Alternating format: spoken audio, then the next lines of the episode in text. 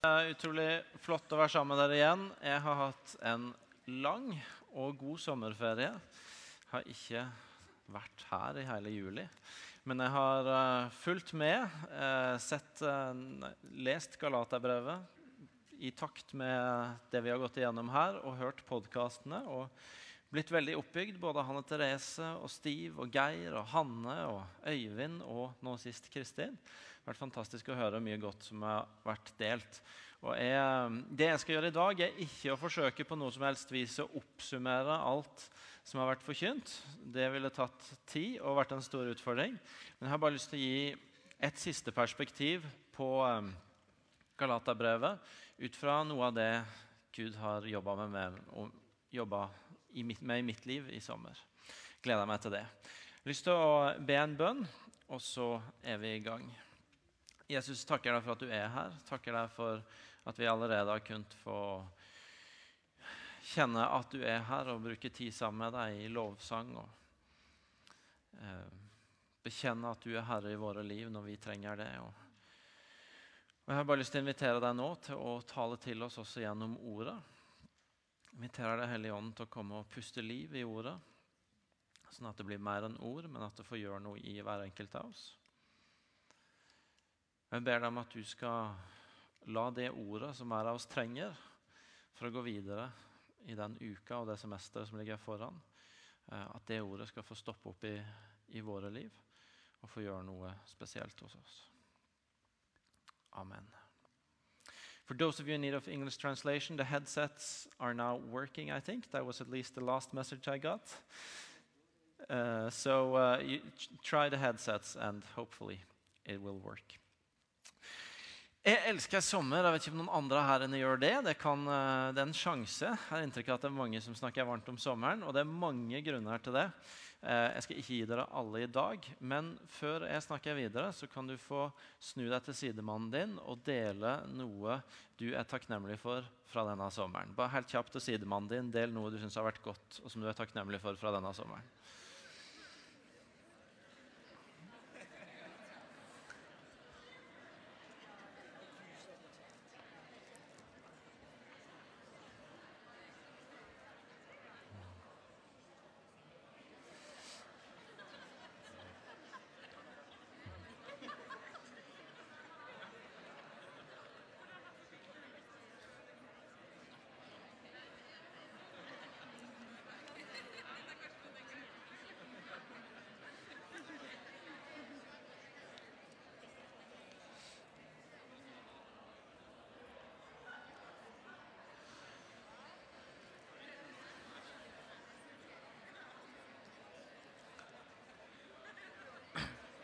Ok.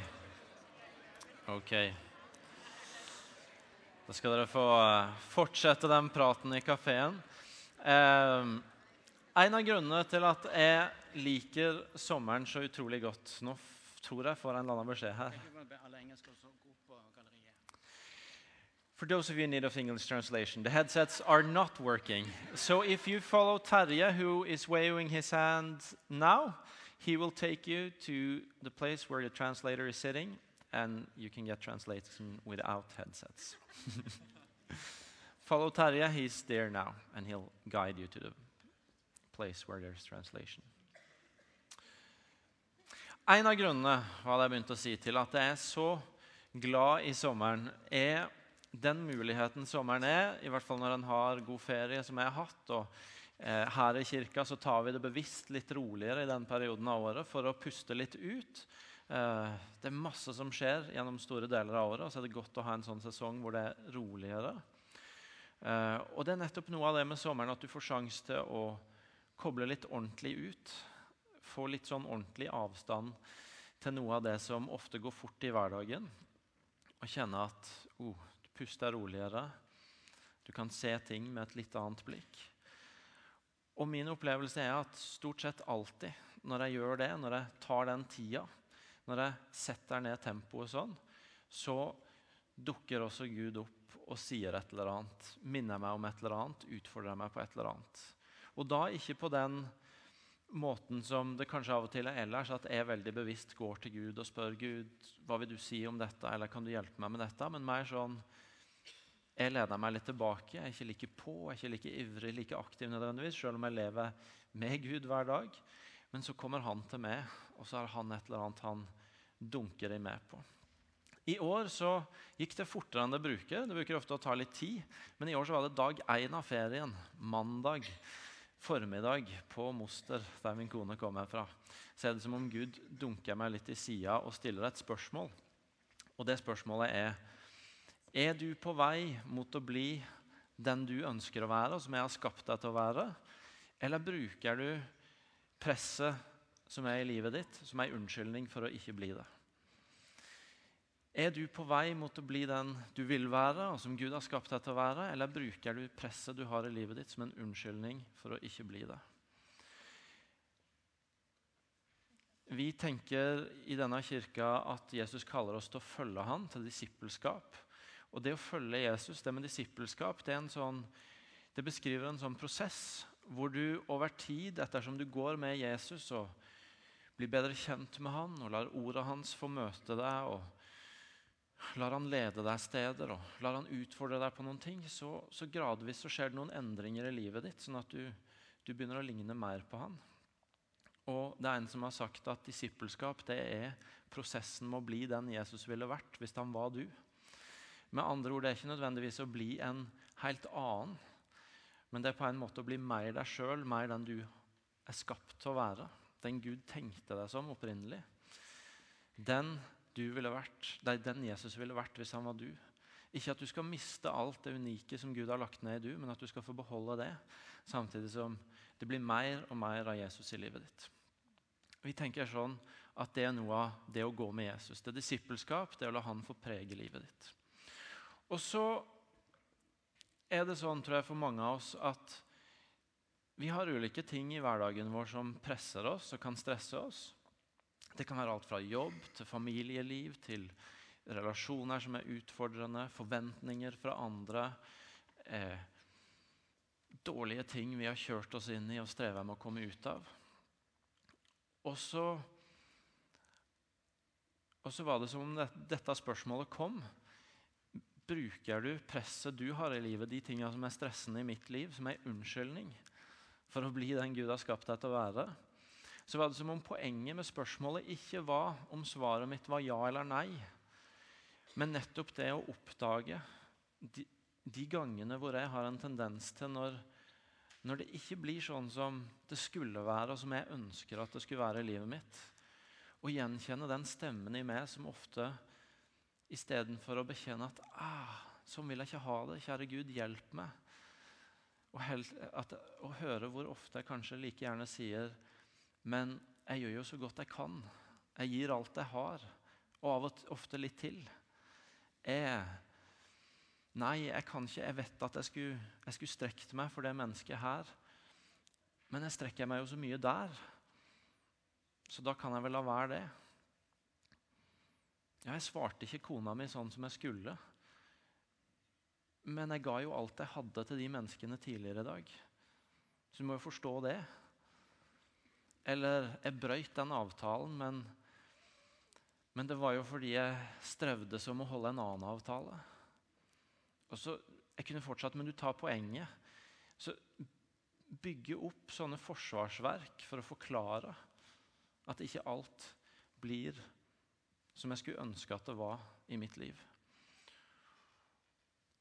Og så tror jeg Noe av poenget til Gud må dunke borti meg på det, var nettopp det at når vi bygger sånne forsvarsverk, og når jeg bygger sånne forsvarsverk i mitt liv, når jeg forklarer og rettferdiggjør og gir til og med gode forklaringer på hvorfor ting blir som de blir, så går jeg glipp av den muligheten til å invitere Gud inn i det og si Gud, dette får ikke jeg til.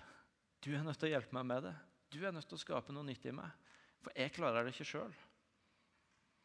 Og så blir jeg overlatt til å kave med å holde fortet og forsvare meg sjøl og, og, de ting jeg er ikke stolt av. Og forklare det for meg sjøl og forklare det for andre, forklare det for Gud.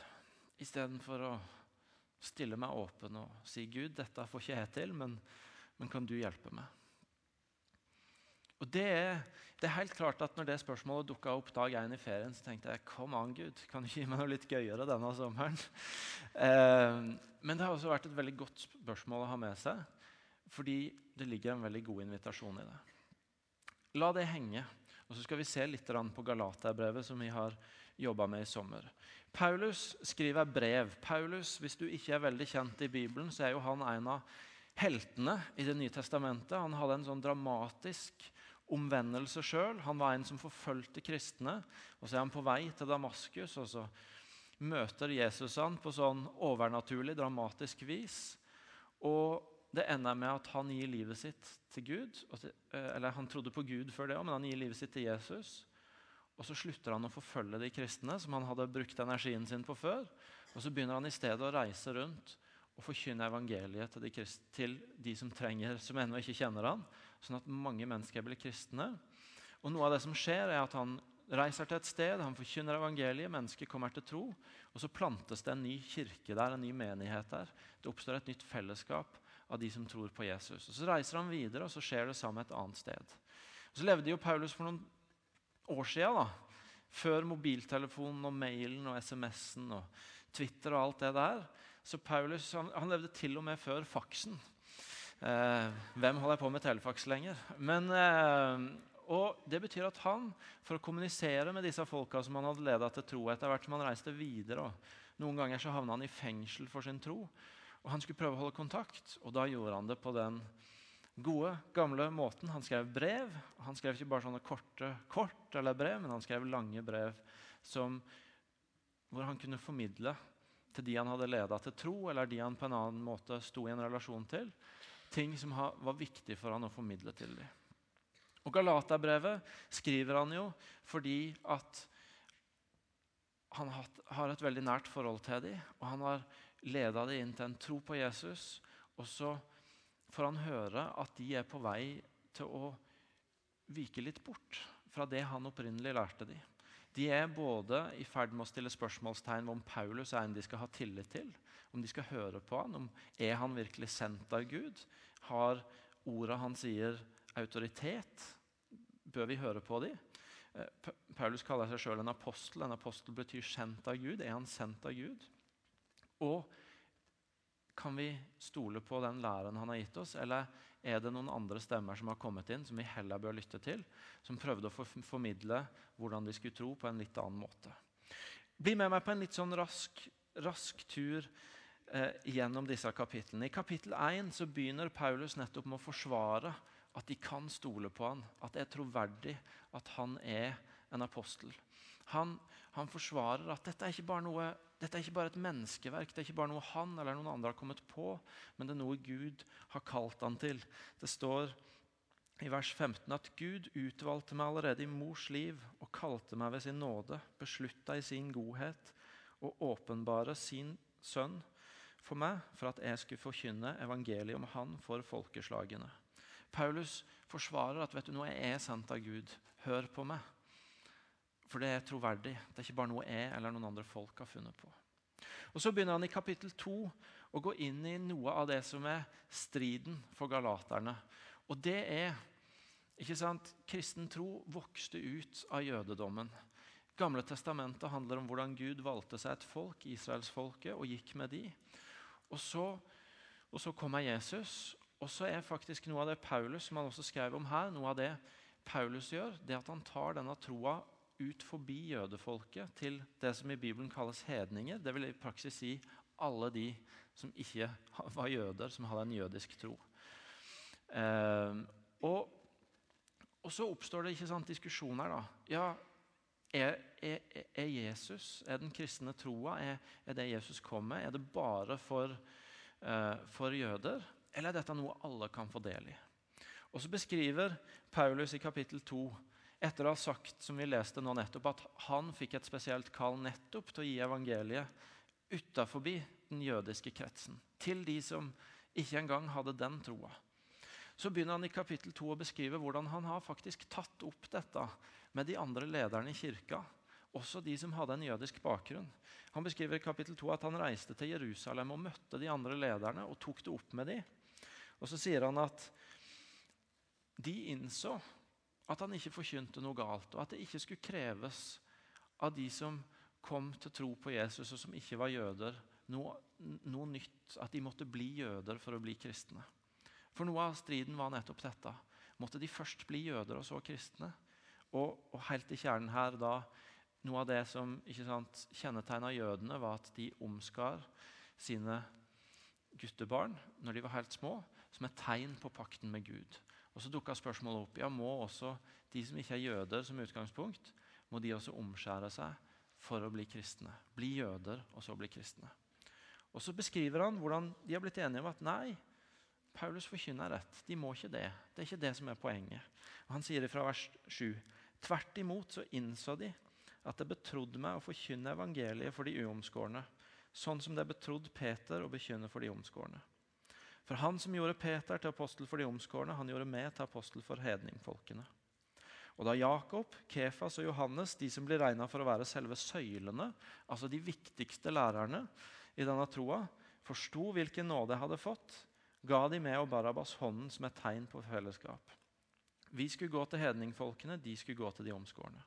Og Vi måtte bare huske på de fattige, og nettopp det har jeg lagt vind på å gjøre. De skulle ikke legge til en masse krav som ikke var nødvendige, de måtte bare huske på dette enkle. Husk på de fattige. Og så kommer vers 16, som er en av sånn sentrum i, Galaterbrevet, hvor han skriver Vi vet at ikke noe menneske blir rettferdig for Gud ved gjerninger som loven krever, bare ved troen på Jesus Kristus. Derfor satte også vi vår lit til Kristus Jesus, så vi skulle bli kjent rettferdige ved troen på Kristus og ikke ved lovgjerninger. Uansett hvilken bakgrunn, uansett om du var jøde eller ei, og uansett egentlig hvilken annen bakgrunn du måtte ha. Veien til Gud handla ikke om hvilke gjerninger du gjorde for å gjøre han fornøyd, men om troen på Jesus. Det var utgangspunktet. Og Derfor så kalles Eller det kan jeg si etterpå, forresten. Men det er noe av essensen her. Og Så går Paulus videre i kapittel 3 og begynner å utfordre dem på hva det er de egentlig holder på med når de begynner å lefle med dette tanken om ja, Kanskje må vi be folk omskjære seg for å bli kristne. Kanskje må vi legge til noen ting fra den jødiske loven. Kanskje var det ikke bare tro, men gjerninger også. Og så sier han, og Paulus er, som Hanne Therese sa i den første, uh, første gangen vi hadde denne serien, han er lidenskapelig i dette brevet. Han bruker sterke ord. Det er ikke noe sånn avmålt hvis dere kanskje kunne tenke dere å høre etter. Han, er, han rister litt i dem. For dette er viktig for han, og han begynner kapittel 3 med uforstandige galatere. Hvem har fått forheksa dere, som har fått Jesus Kristus malt for øynene som den korsfestede? Hva er det dere holder på med? Hva er det som skjer? Hvor dum går det an å bli? Svar meg på én ting. Fikk dere ånden ved lovgjerninger eller ved å høre og tro? Er dere så uforstandige? Dere begynte med ånden. Vil dere nå fullføre med kjøttet? Dere begynte med at Gud fikk jobbe i dere.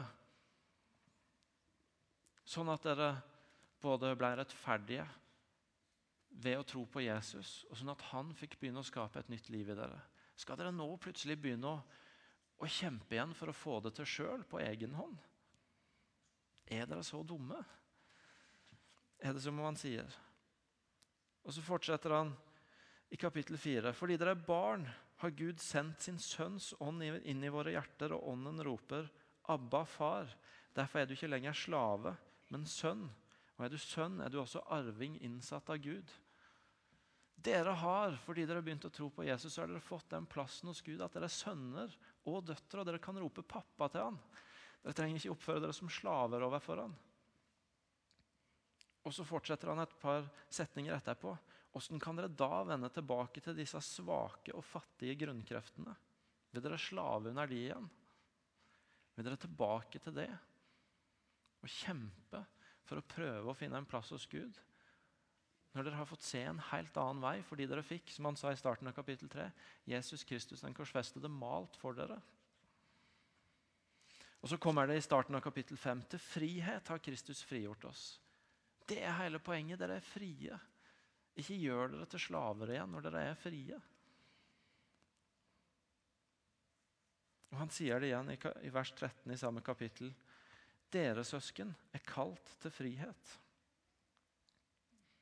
Og Så beskriver han litt senere i kapittelet hvordan når vi prøver å streve for å få det til på egen hånd og kjemper for vår egen del, så beskriver han hva slags gjerninger som kommer fra kjøttet, fra, fra vårt eget strev og kav. Hor, umoral, utskeielser, avgudsdyrkelse, trolldom, fiendskap, strid, sjalusi, sinne, selvhøvdelse, stridigheter, splittelser, misunnelse, fyll, festing og mer av samme slag. Masse greier. Men åndens frukt er kjærlighet, glede, fred, overbærenhet, vennlighet, godhet, trofasthet, ydmykhet og selvbeherskelse. Når Gud får jobbe i dere, når dere ikke kaver på egen hånd, men lar Guds ånd få jobbe i dere, da er det disse tinga som begynner å vokse fram i dere. Kan dere virkelig tenke dere å bytte ut det med å bli slaver igjen og streve på egen hånd? spør han de. Og Så avslutter han brevet med å si at jeg vet i hvert fall at jeg skal aldri være stolt av noe annet enn vår Herre Jesu Kristi kors. Paulus sier til dem at selve hensikten med evangeliet, nemlig at de skulle være frie fra dette kavet, det står på spill. Han sier at det er jo ikke, er jo ikke han som taper. altså Han, han har leda dem, og han, han, skal være deres leder. og så, og så, og så er det de, som om de kanskje vil vende han ryggen. Men, men, det er jo ikke han som taper på det, men det er jo de. De taper på det, for de taper den friheten som Kristus ville gi dem. De taper det nye livet. Og så skal de begynne å streve igjen i stedet.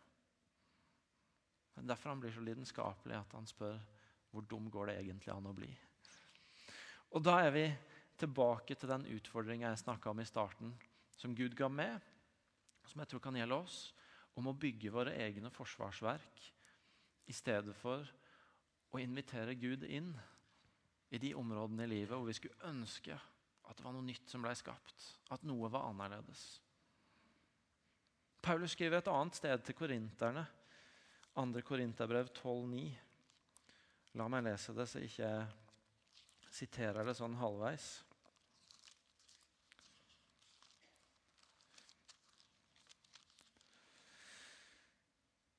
Der skriver Paulus at Jesus har sagt til han, 'Min nåde er nok for deg, for kraften fullendes i svakhet'. Guds kraft fullendes i vår svakhet. Det var en sannhet for Paulus, og det er en sannhet for oss. Og Det betyr at det er ikke Når vi prøver å gi alle de gode forklaringene på hvorfor vi ikke får det til, og bygge forsvarsverk, at livet vårt tar en ny og bedre retning. Men det er når vi overgir oss og er åpne på hvem vi er, og på hva vi ikke får til. Og så ber vi Gud om å komme inn i det og skape noe nytt. Da kan det skje noe nytt. Da slaver vi ikke og strever. Men da lar vi Gud få jobbe i oss, og vi posisjonerer oss som hans sønner og døtre. Som kan rope 'Pappa, Gud, hjelp meg'.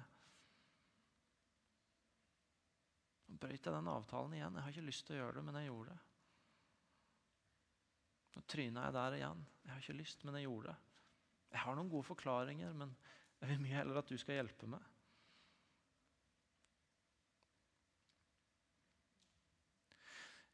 har vært mye sammen med familien min i sommer. og eh, Søsknene mine og foreldre og svigerforeldre. Jeg har eh, jeg har blitt imponert av dem.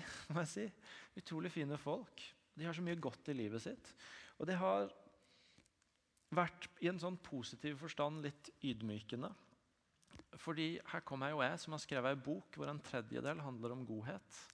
Og Jeg sto hele mai her og forkynte til dere om godhet. Og så møter du folk du er glad i og er sammen med og de snakker ikke så mye om det. De tror på Jesus og snakker om mye bra, men de, de snakker ikke så mye om det. Så er du sammen med dem, og så tenker du jeg føler meg ikke så mye mer god enn de. Så er ikke det som er poenget, for det er ikke en konkurranse. Men det trigga noen spørsmål jeg med igjen bare om at Gud, jeg er sulten på mer av, av åndens frukt i livet mitt. Har jeg vokst det siste året? Ja, jeg tror jeg har vokst noe som leder og pastor, kanskje. Men, men har jeg vokst i åndens frukt? Det er jeg sulten på. Det har jeg lyst på.